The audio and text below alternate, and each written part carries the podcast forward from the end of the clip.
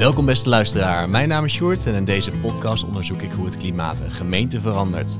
Ik zoom in op mijn eigen dorp Oosterbeek en de gebieden daaromheen. In deze aflevering ga ik in gesprek met Maarten Veldhuis van het waterschap Vallei en Veluwe. Maarten draagt zijn steentje bij aan een klimaatbestendig watersysteem. En daar komt een hoop bij kijken. Zelfs de herten en zwijnen op de Veluwe hebben invloed op de hoeveelheid water die hier in de bodem zakt. Water dat we, gezien de slinkende zoetwatervoorraad, hard nodig hebben. Hoe dat precies zit, dat vertelt Maarten me op locatie. We gaan naar een Veluws bos vlakbij onze woonplaats Oosterbeek. Maarten, welke gevolgen van klimaatverandering kom je eigenlijk tegen tijdens je werk? Uh, een heleboel. Um, als je kijkt naar de partijen waar ik kom, gebieden waar ik kom, dan heb je het over uh, droogte- en wateroverlast en de effecten daarvan. Oftewel uh, bomen die het heel moeilijk krijgen, die door de droogte weerbaarder worden en met de letterzetter worden aangetast. Of, wat, wat is dat, de letterzetter? Ja, dat is een soort kevertje die graaft zich in, in sparretjes en dan gaat zo'n boom van dood. Ik ben geen specialist hoor, dus vraag niet meer dan dat. Uh, beuken die kunnen ook niet zo goed tegen schommelingen van waterstanden. Dus hoe verder een grondwater uitzakt, hoe moeilijker een beuk het krijgt. En dan gaan ze gewoon van dood. Ook beuken voor 150 jaar. Hè? Uh, wat je natuurlijk heel goed ziet, zijn uh, gewoon heel simpel beken en sprengen van de Veluwe. Die, die vallen droog, stromen bijna niet meer. Dat zijn natuurlijk de thermometers van de grondwater op de Veluwe. Dus hoe verder het grondwater zakt, hoe eerder zo'n spreng droog valt. Dat zien we al een aantal jaren. Een aantal jaren al. Ja, soms voelt klimaatverandering redelijk ver weg. Maar dat zijn dus dingen die je echt al, echt al tegenkomt als je nu door het bos loopt bijvoorbeeld. Ja, zeker. En wat ik wel belangrijk vind om mee te geven is dat klimaatverandering, of dus, dus ook de, de verandering van het weer, warmere, droger of extremere buien, dat maakt de effecten heftiger van de dingen die we eigenlijk al decennia lang zien. Dat is belangrijk om te weten. Dus hoe wij ons landschap, ons watersysteem en onze bodem hebben ingericht en gebruiken, dat maakt het systeem al langer labiel, laat ik het zo zeggen. Al langer niet meer veerkrachtig. Nou, en het klimaat wat er overheen komt, maakt het extremer. Dus dan is de, het effect van droogte of effect van wateroverlast wat extremer. Ja, we kunnen niet meer om die uh, weersextremen heen. Hey, en jij werkt bij een van de partijen die ervoor kan zorgen dat we nou ja, het landschap weer aanpassen op een manier waarop we wel weer beter met die gevolgen kunnen, kunnen omgaan. Kun je daar iets over vertellen? Wat, uh, wat doe je precies? Ja, ik werk dus bij het waterschap Vallei en Veluwe. Ik heb daar een aantal rollen. Ik ben aan de ene kant de, uh, de verbinder, accountmanager tussen het waterschap en natuurorganisaties, landgoederen, de Bekenstichting. Ik noem mezelf ook wel adviseur robuust watersysteem.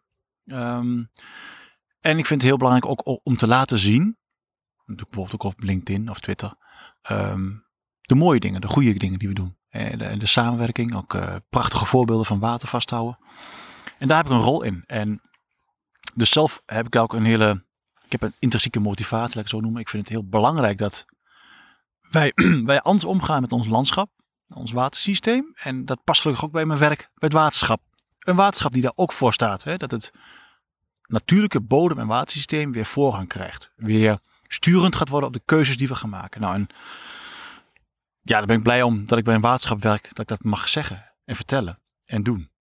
Ja, en je zei ook onder andere, ja, ik vind het ook belangrijk om uit te dragen via sociale media, nou ja, wat er allemaal gebeurt, wat we kunnen doen. Wat ik ook interessant vind om te zien, is dat jij op heel veel plekken komt en op heel veel partijen over de vloer komt. Volgens mij spreek jij ontzettend veel mensen om ja, die, die, die missie, om het zo maar even te noemen, voor elkaar te krijgen. Klopt dat? Ja, dit is, dat is uh, helemaal uit de klauwen gegroeid, zeg maar. Of zeg ik dat goed? Dat klinkt een beetje raar, uit de klauwen gegroeid. Nee, dat is, dat is een hele grote uh, rol geworden die ik heb. En dat is net social media. Dus de manier hoe ik dingen post, of vertel soms met een filmpje. Het zijn lezingen, excursies. Nou, ik mag uh, met overheden of burgers of natuurorganisaties op pad. Dus ik mag heel veel laten zien. En in dat laten zien ja, dan, dan merk je dat je daar die, die, de manier hoe je het vertelt, dat het aankomt. Dat ze het snappen, dat ze het ook gaan voelen. En ik vind ik altijd leuk om ook het woordje omdenken en loslaten mee te nemen. Dus wat zien we om ons heen? Wij vinden het vaak heel logisch dat het er is op die manier. Maar toch denk ik, ja, nee. Is dat dan wel gezond wat, hoe we het zien? En kan het ook anders? Ja, leuk. Heb je, heb je daar een voorbeeld van, van het omdenken? Um, nou ja, het hele logische is gewoon dat wij natuurlijk in, uh, in bijvoorbeeld de zandgronden van Nederland hele diepe sloten hebben aangelegd om water af te voeren. Hè, zodat je op tijd met je tractor het land op kan, dat de bodem warm wordt en uh, alles goed gaat groeien. Nou ja, die sloten zijn vaak te diep. Die zijn overgedimensioneerd aangelegd, zoals het heet. En die zijn aangelegd om af te voeren. Nou, als die er anderhalve meter diep is, gaan we verondiepen met een halve meter. Dan voer je niet zoveel water af.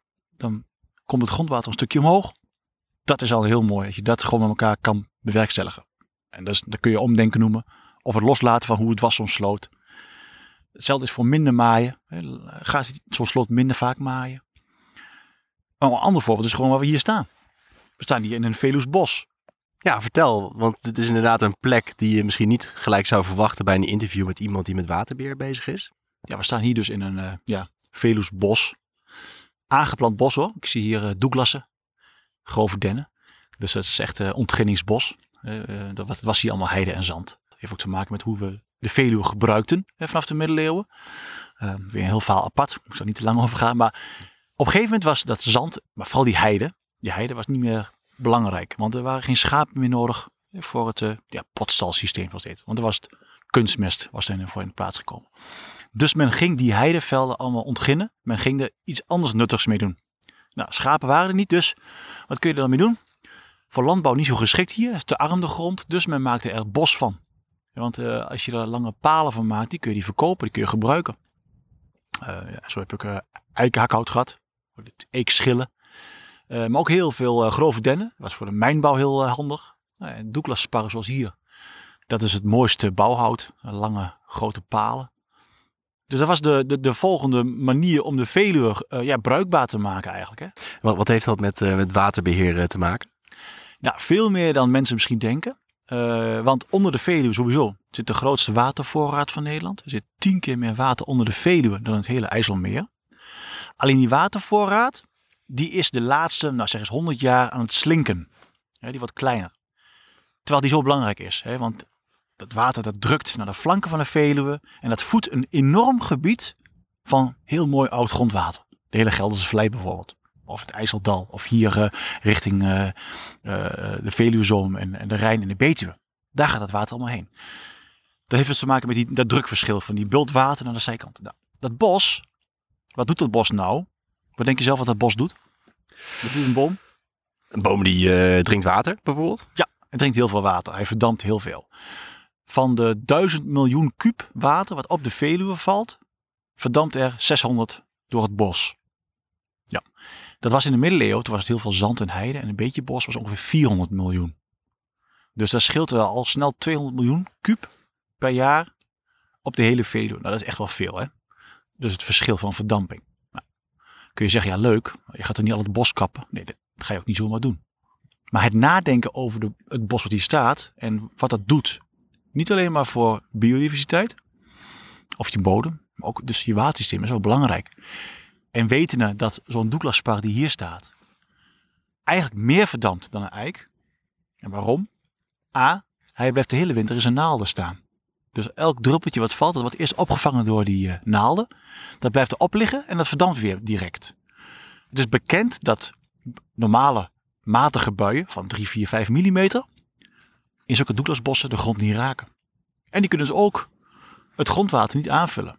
En als ze dan wel in die bovenste 2, 3 meter van de bodem komen, dat noemen we hangwater, dan ook in de winter, die steeds warmer worden, zal zo'n boom nog wat blijven verdampen. Vanuit die wortels ook.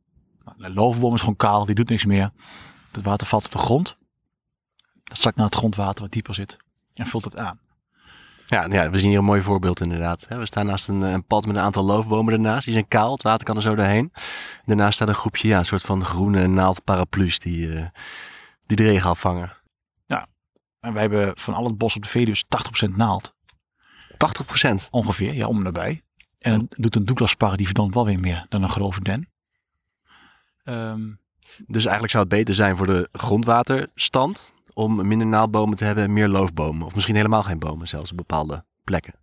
Ja, en je hebt het aan de ene kant over de zoetwaterbel. Uh, en, en, dan is de grondwaterstand een beetje lastig, hè, want het zit vaak meters onder je voeten. Als je heel hoog op de Veluwe bent, zit het zelfs wel 40 meter onder je voeten, het grondwater. Maar je moet wel weten dat hoe hoger die grondwaterstand, hoe, hoger die, hoe groter die waterbel, hoe meer hij drukt naar de flanken. Ja, en daar komt het effect wat je echt ziet. Daar krijg je te maken met beken, sprengen, natte natuur, landbouw. eh, die profiteert van die waterbel. Ja, ook in onze gemeente hebben we beken die in de zomer gewoon droog lagen. Bijvoorbeeld eh, de Renkumse beek of de Hilsumse beek. Heb ik Ja. goed? Nou, de Hilsumsbeek is een beek die wel stroomt nog, maar ook steeds moeilijker krijgt. Echt heel moeilijk. Bovenstrooms valt hij nou, droog. Dan heb je een aantal Renkumse beken, vooral van die opgeleide sprengerbeken, die staan al jarenlang droog. Al jarenlang. Heb jij vier te droge jaren, dan heeft dat een heel grote invloed op die systeem van de Renkumse en Hilsumse beken. Ehm, en als je dan ook nog eens een keer daar water uit trekt uit het systeem, voor drinkwater of misschien papierindustrie, dat heeft dat lokaal in die systemen ook weer hele grote invloed. Dus dat bij elkaar, dat zijn ook meteen de twee grootste sleutels toevallig aan deze kant van de Veluwe. Dat bos en die onttrekkingen, die doen het meeste op de grondwatervoorraad aan deze kant hier, op de Veluwezoom. Ja, en er zijn in ieder geval ook mooie voorbeelden die laten zien dat het een eh, nou ja, best wel complex systeem is. Hè? Dat bepaalde zaken eh, ingrijpen op elkaar. Water, natuur, eh, gebruik van, van water. Jij zit daar middenin. Ja, we zitten middenin. Dat klopt, ja. En dat is ook heel leuk trouwens wel, want wat ik geloof is dat wij op dit moment, en dan noemen we ook het NPLG, het Nationaal Programma Landelijk Gebied, Rijksbeleid, die we als waterschappen, provincies, gemeentes, alle partijen samen mee aan de slag gaan. Dat dat samen, eh, die, die ruimtelijke puzzel, die gebiedsprocessen, het eh, systeem weer gezond maken. Dat gaan wij de komende 10, 20 jaar denk ik doen. En ik noem dat ook wel de grootste transitie sinds wij met de ruilverkavelingen bezig zijn gegaan. Zo, dat is nogal wat. Ja, is ook wel wat. Maar ik denk ook dat we moeten. Het is voor de economie belangrijk, daarom gebeurt het eigenlijk ook wel. Hè? Maar het is ook gewoon voor het welzijn van mens en dier en planten gewoon nodig dat wij iets gaan doen. Want als we zo doorgaan op dezelfde manier met bouwen en met boeren, eh, met noem het maar rondrijden, eh, versnipperen, ontwateren. Ja, dan, dan, is, dan, dan vraag ik mezelf af hoe lang dit land ook nog fijn blijft om te wonen. Ja, uiteindelijk hebben we er allemaal baat bij als, het, eh, als we die transitie doormaken. Ja, ja als, als mensen denken dat we het alleen maar voor natuur doen. En de vraag is natuurlijk ook wat natuur is in Nederland. Maar als we het alleen maar voor natuur doen, dus dan, dan, ja, dan snap je het inderdaad niet helemaal. Het is echt voor jezelf nodig. Om hier, ook in steden, met hittestress. Je tuinen vergroenen.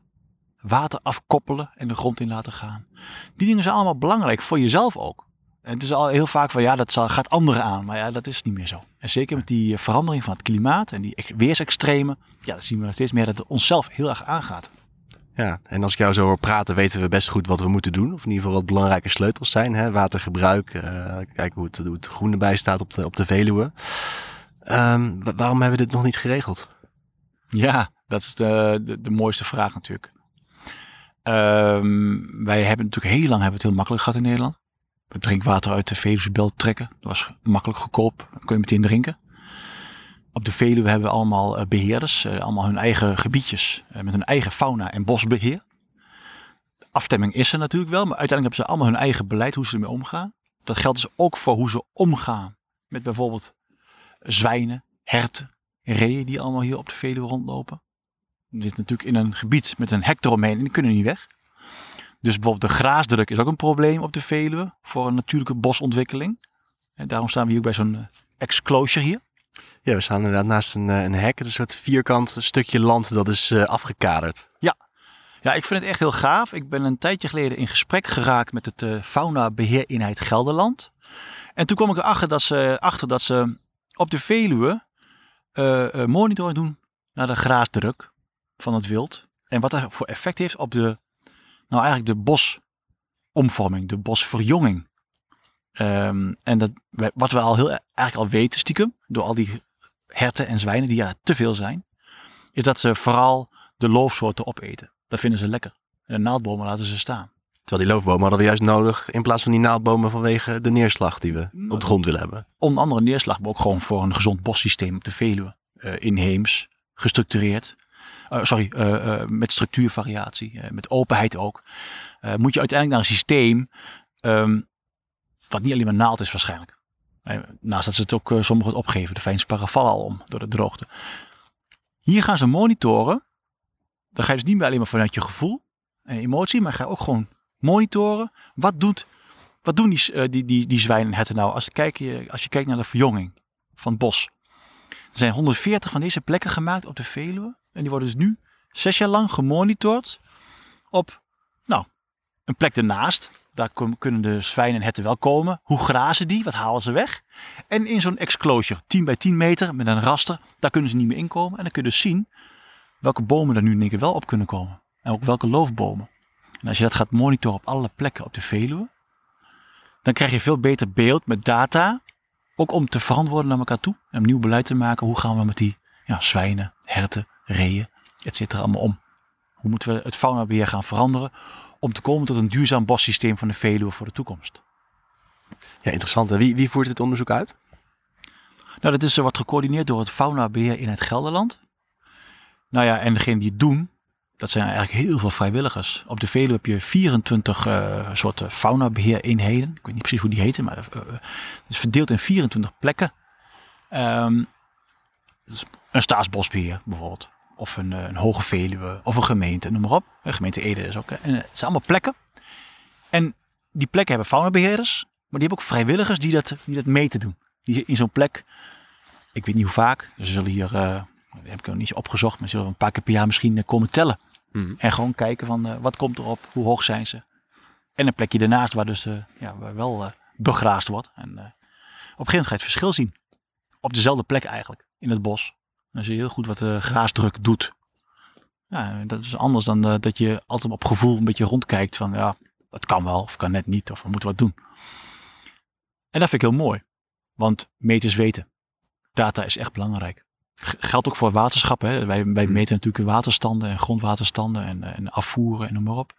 Ja, want wat, wat is jouw rol hierbij? Want ik vind het vooral fascinerend dat we hier dan staan bij een, ja, een soort onderzoeksplek voor graasdruk. En dat jij bent actief bij het waterschap. En dat het dus ook gewoon onderdeel is van het werk wat je doet. En onderdeel van jullie, van jullie missie. Terwijl voor mijn gevoel, je hebt er nu wat meer over verteld, dus ik snap de link. Maar voor, voor mijn gevoel staat het er heel ver vanaf. Maar ja, er zijn dus allerlei partijen, projecten, onderzoeken waar je rekening mee moet houden als je toe wilt uiteindelijk naar een gezond watersysteem. eh, waarmee we vooruit kunnen ook met klimaatverandering die gaan is. Ja, en het is, helemaal, is ook pas, eigenlijk pas hè. Vijf jaar geleden was het hier waarschijnlijk niet geweest. En ik denk dat in heel Nederland de meeste waterschappen dit ook niet doen. Het is best wel bijzonder dat waterschappen nu praten met die partijen bovenop het Veluwe-massief, waar het bos staat en waar je geen druppeltje water bijna ziet. Hè? Ehm, maar ja, wij hebben onze BOVI gemaakt in 2018, onze blauwe omgevingsvisie. Wij keken, keken wel 50 jaar vooruit. En ook daar hebben wij met een kaart als praatplaatje gezegd, nou, misschien moeten we een heel stuk van de Veluwe openkappen. En daarmee het gesprek hebben met de partijen. En en waarom doen we dat? Nou, dat was toen een, een idee om te laten zien. En niet zomaar, hè, want er zijn ook onderzoeken naar gedaan wat dat doet. Als je op een heel stuk duizenden hectares bos weghaalt. En wat dat doet uiteindelijk, met een grondwatermodel. En wat dat doet op je systeem. Minder, verdamping. Ja, en zoals bij op de Veluwezoom hebben ze in een model hebben ze duizenden hectares bos weggehaald. En blijkt in één keer, naast dat ook die drinkwaterwinning daar is gestopt en die bossen zijn weggehaald, is in het model dat berekent wat dat doet. En zie je gewoon bij de Renkemse en Heelsumse beken dat het grondwater enorm omhoog komt. En vrij snel ook. En dat die beken allemaal heel goed gaan stromen weer. Het effect is direct eigenlijk bijna wel wanneer, waarneembaar. Nou ja, en, en het leuke is dat ik als waterschap op zo'n plek met die partijen mag praten. Lezingen mag geven. Met hun gesprek mag hebben over hoe kijk je daarna. En dan is het laatste wat ik denk van ze gaan al die bossen in één keer veranderen. Want dat gebeurt natuurlijk niet. Het is gewoon een investering ook. Het is ooit geplant. Die bomen die mogen hier 50 jaar oud worden voordat ze worden gekapt. Voordat het heel mooi hout wordt. Of er zijn heel veel bossen hier, die hebben ze aangeplant. Die laten ze nu helemaal met rust. en mag natuur worden. Het is een heel groot variatie in de type bossen hier en hoe ze ermee omgaan. En heel veel zaken gebeuren ook al heel goed. En er zijn ook veel zaken waar je denkt van, ja, moeten we zo doorgaan. En dat gesprek hebben met elkaar, maar ook het respect naar elkaar toe. Waarom die bossen zo zijn en hoe ze die beheren, is heel interessant. Ja, jullie hebben een, een, een visie ontwikkeld en, en gepresenteerd aan partijen. Ehm, wat, zijn, wat zijn de grootste struikelblokken die je tegenkomt in dat soort gesprekken? Ik denk wel dat de bosbouwwereld nog redelijk traditioneel is. Hè? Dus ze hebben het ooit ontgonnen en aangeplant om bepaalde redenen. Dat is ook een investering. Daar zit ehm, heel veel kennis. Daar zitten heel veel, eh, daar zijn boswachters bij, faunabeheerders bij, die je opgeleid op een bepaalde manier en die doen dat werk ook. En die zitten boven op die Veluwe. Uh, hetzelfde als jij in één keer iemand bij jou thuis komt en je hebt een hele mooie tuin aangelegd, net. En die zegt tegen je, jij moet het echt anders doen. Ik zou een machine huren en uh, zelf gaan betalen en, en, en, anders doen. Ja, dan denk ik ook van ja, dag. Ja, dan baal je. Dan heb je net geïnvesteerd. Ja, dat is toch mijn tuin. Nou, ehm, zij hebben een bos aangeplant. Zij zien die bomen oud worden. Zij dunnen die bossen om te komen tot de mooiste hout. Hè? Of zij hebben een, een gebied met he- hele mooie zwijnen en herten. Waarvan wij misschien met elkaar zeggen, eigenlijk zijn het er misschien te veel. Je moet er veel meer afschieten. Dat kun je allemaal wel zeggen tegen elkaar. Maar er zitten heel veel belangen en meningen achter. En dat komt ergens vandaan. En daar moet je respect voor hebben. Zo'n systeem gaat niet zomaar, zomaar snel veranderen. Dus je moet ergens beginnen. Je moet een zaadje planten. Nou, zo ben ik een paar jaar geleden begonnen om met die partijen te praten, kennis te maken, te vertellen hoe wij als waterschap ernaar kijken. Eh, en, en, en dan hoop ik dat wij over 20 of 30 jaar hele mooie sprongen hebben gemaakt. Bijvoorbeeld met het bos van de Veluwe en het faunabeheer. En als ik daar mijn kleine rol in mag hebben, door van het waterschap ook met hun mee te praten, te kijken, het gesprek te hebben, dan levert dat misschien wat op. Misschien Maar niet bij die- alle 24 partijen, maar misschien bij 10. Ja, dat, dat, ja, dat is, eh, ja, dat weet ik niet. Maar ik hoop wel dat het, dat het werkt. Ik, ik, dat is mijn kleine rol erin, denk ik dan. Ja, die, die belangen die blijven natuurlijk. Je hebt natuurlijk eh, dierenliefhebbers die het liefst willen dat er geen enkel hert wordt afgeschoten. Je, je hebt mensen die, die hout willen verkopen en misschien een financieel eh, belang daarin hebben. Dus heb je heel veel belangen, die zullen deels ook blijven. Hoe, Ja. hoe sla je een brug tussen die belangen? Nou ja, open, transparant zijn. Respect voor elkaar hebben.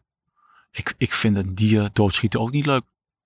Ehm, maar ja, we hebben een veluwe een hek eromheen. Dus we moeten wel iets. Als we het niet doen, worden ze, komen er veel te veel. Nou, we hebben nu de wolf erbij. Nee, maar op die vraag van jou, hoe doe je dat? Het is natuurlijk altijd maatwerk. Zoals ik met jou hier sta en ik kijk jou aan en ik praat met jou. Nou, zo doe je het weer met iemand anders. En als iemand jou mij bejegent en die zegt, maat, je praat onzin. Ja, dat is niet fijn. Ja, hoe ga je ermee om? Hoe kun je het gesprek zo krijgen dat je in ieder geval met elkaar pratende blijft? Eh, dat is denk ik de, een van de dingen die de mens doet. Praten met elkaar. En eh, eh, ja, dat kun je polderen noemen. Eh, je kunt ook eh, de, zulke andere beelden hebben bij iets dat het heel erg lijkt alsof je nooit eruit gaat komen. Ja, daar geloof ik dus niet in. Want ik geloof erin dat iedereen een eigen mening heeft en die moet je respecteren. Dus daar is ook geen goed of fout in. Dus altijd proberen om eh eh, pratende te blijven. Ja. ja. Jullie hebben vanuit het waterschap dan wel een beeld van hoe het, hoe het beter zou kunnen. Hè? En aan welke, ja, zoals je eerder zei, welke sleutels je kan draaien. En wat die belangrijke sleutels zijn. Kom je ook hele andere perspectieven tegen. Toch? Dat mensen gewoon hele andere ideeën hebben over hoe, hoe dit landschap eruit moet zien over, laten we zeggen, 20 jaar.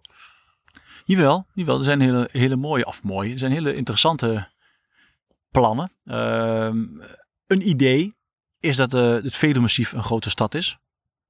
Je bent hier hoog, je zit hier droog, je hebt gooie draagkracht. Je kunt hier een hele mooie stad van bouwen.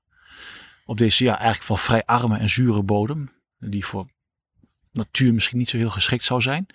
Terwijl je eromheen, om de Veluwe, heb je al die kwel. Daar heb je eigenlijk de mooie broekbossen en de moerassen. En de hele mooie veerkrachtige natuur. Hè?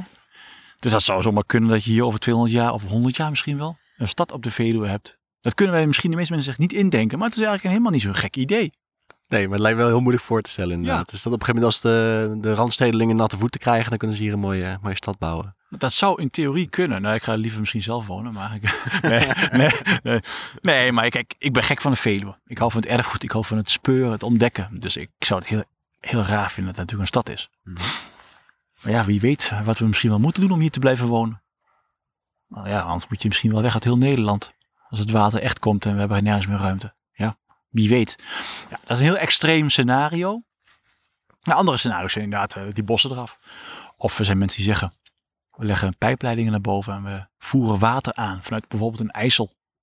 En dat laten we in een hele grote vennen op de eh Veluwe laten we gewoon dat eruit stromen. En dat mag de, het grondwater aanvullen. Dat doen we gewoon met hele grote hoeveelheden. Nou ja, dan kunnen we ook door blijven verdampen of onttrekken. Maar we vullen het gewoon continu aan. Ja. Je hebt het over gigantische hoeveelheden. Hè? Ja, dan moet je er, heb je het over hoeveelheden van misschien wel 100 of 200 miljoen kuub per jaar wat hierheen moet worden. Ja, dat kost ongelooflijk veel eh, geld en energie. En, eh, ja. Ja, ja. het zijn ideeën. Ja. Het zijn, dat noemen ze ook wel de wateraccu. Dat zijn ideeën die wel serieus worden genomen door mensen. De, de wateraccu, als in van je laat hem op, zodat je hem later weer kunt, Ja. eh, kunt ontladen. Ja, ja, dat- ja, ja precies. Ja, dat, dat woord is al gevallen in Nederland. niet zo heel lang geleden. Dus, maar er zijn mensen die zeggen, ja hallo. Ga je water uit de IJssel met allerlei giftige stoffen erin. En weet ik veel wat, er van, wat voor stoffen erin zitten. Op de Veluwe brengen. Wat juist een heel mooi schoon watersysteem is. Ga je het inbrengen. Nou, is dat wel handig. Weet je, dus ja. Genoeg, eh, genoeg voer voor discussie. Ja, Maar wat, wat nou als we, als we niks doen? Wat als we dit gewoon op zijn beloop laten en we laten de Veluwe zoals het, eh, zoals het is? Ja, dat is, dat, dat is wel een beetje lastig te voorspellen. Je hebt natuurlijk de klimaatscenario's al.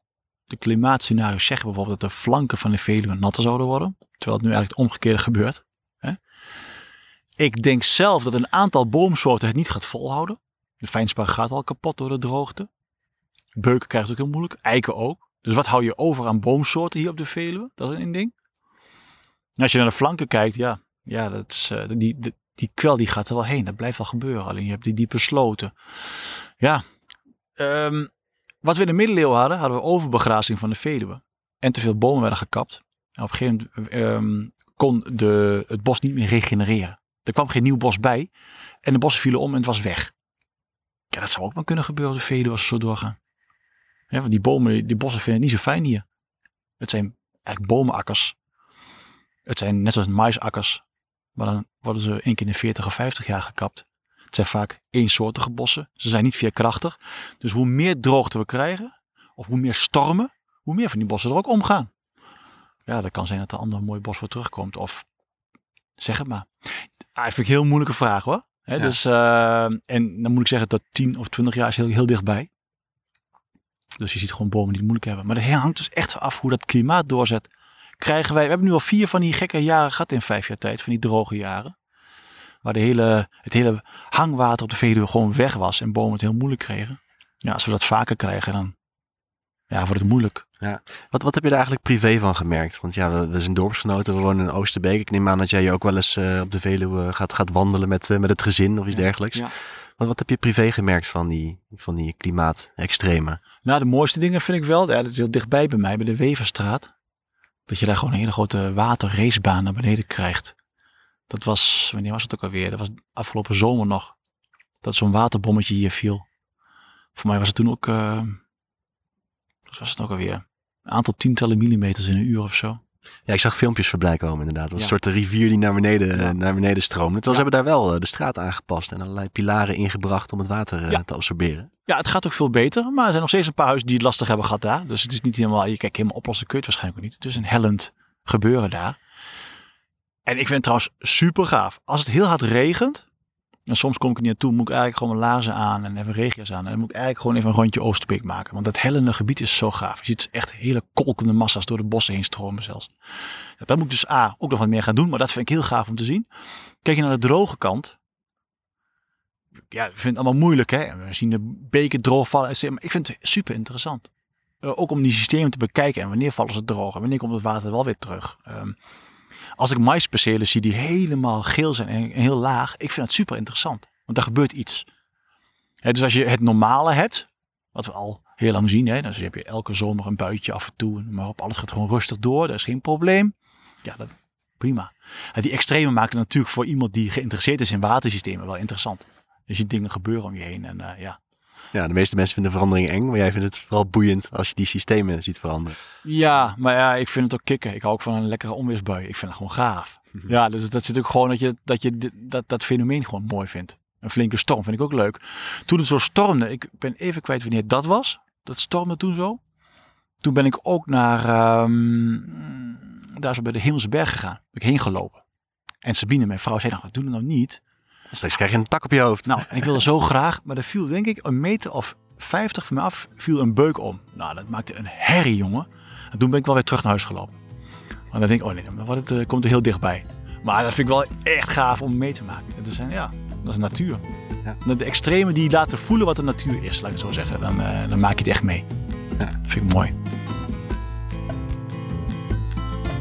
Dit was Klimaat in de Straat. Wil je meer horen? Abonneer je dan op deze podcast in je favoriete podcast app. Bedankt voor het luisteren.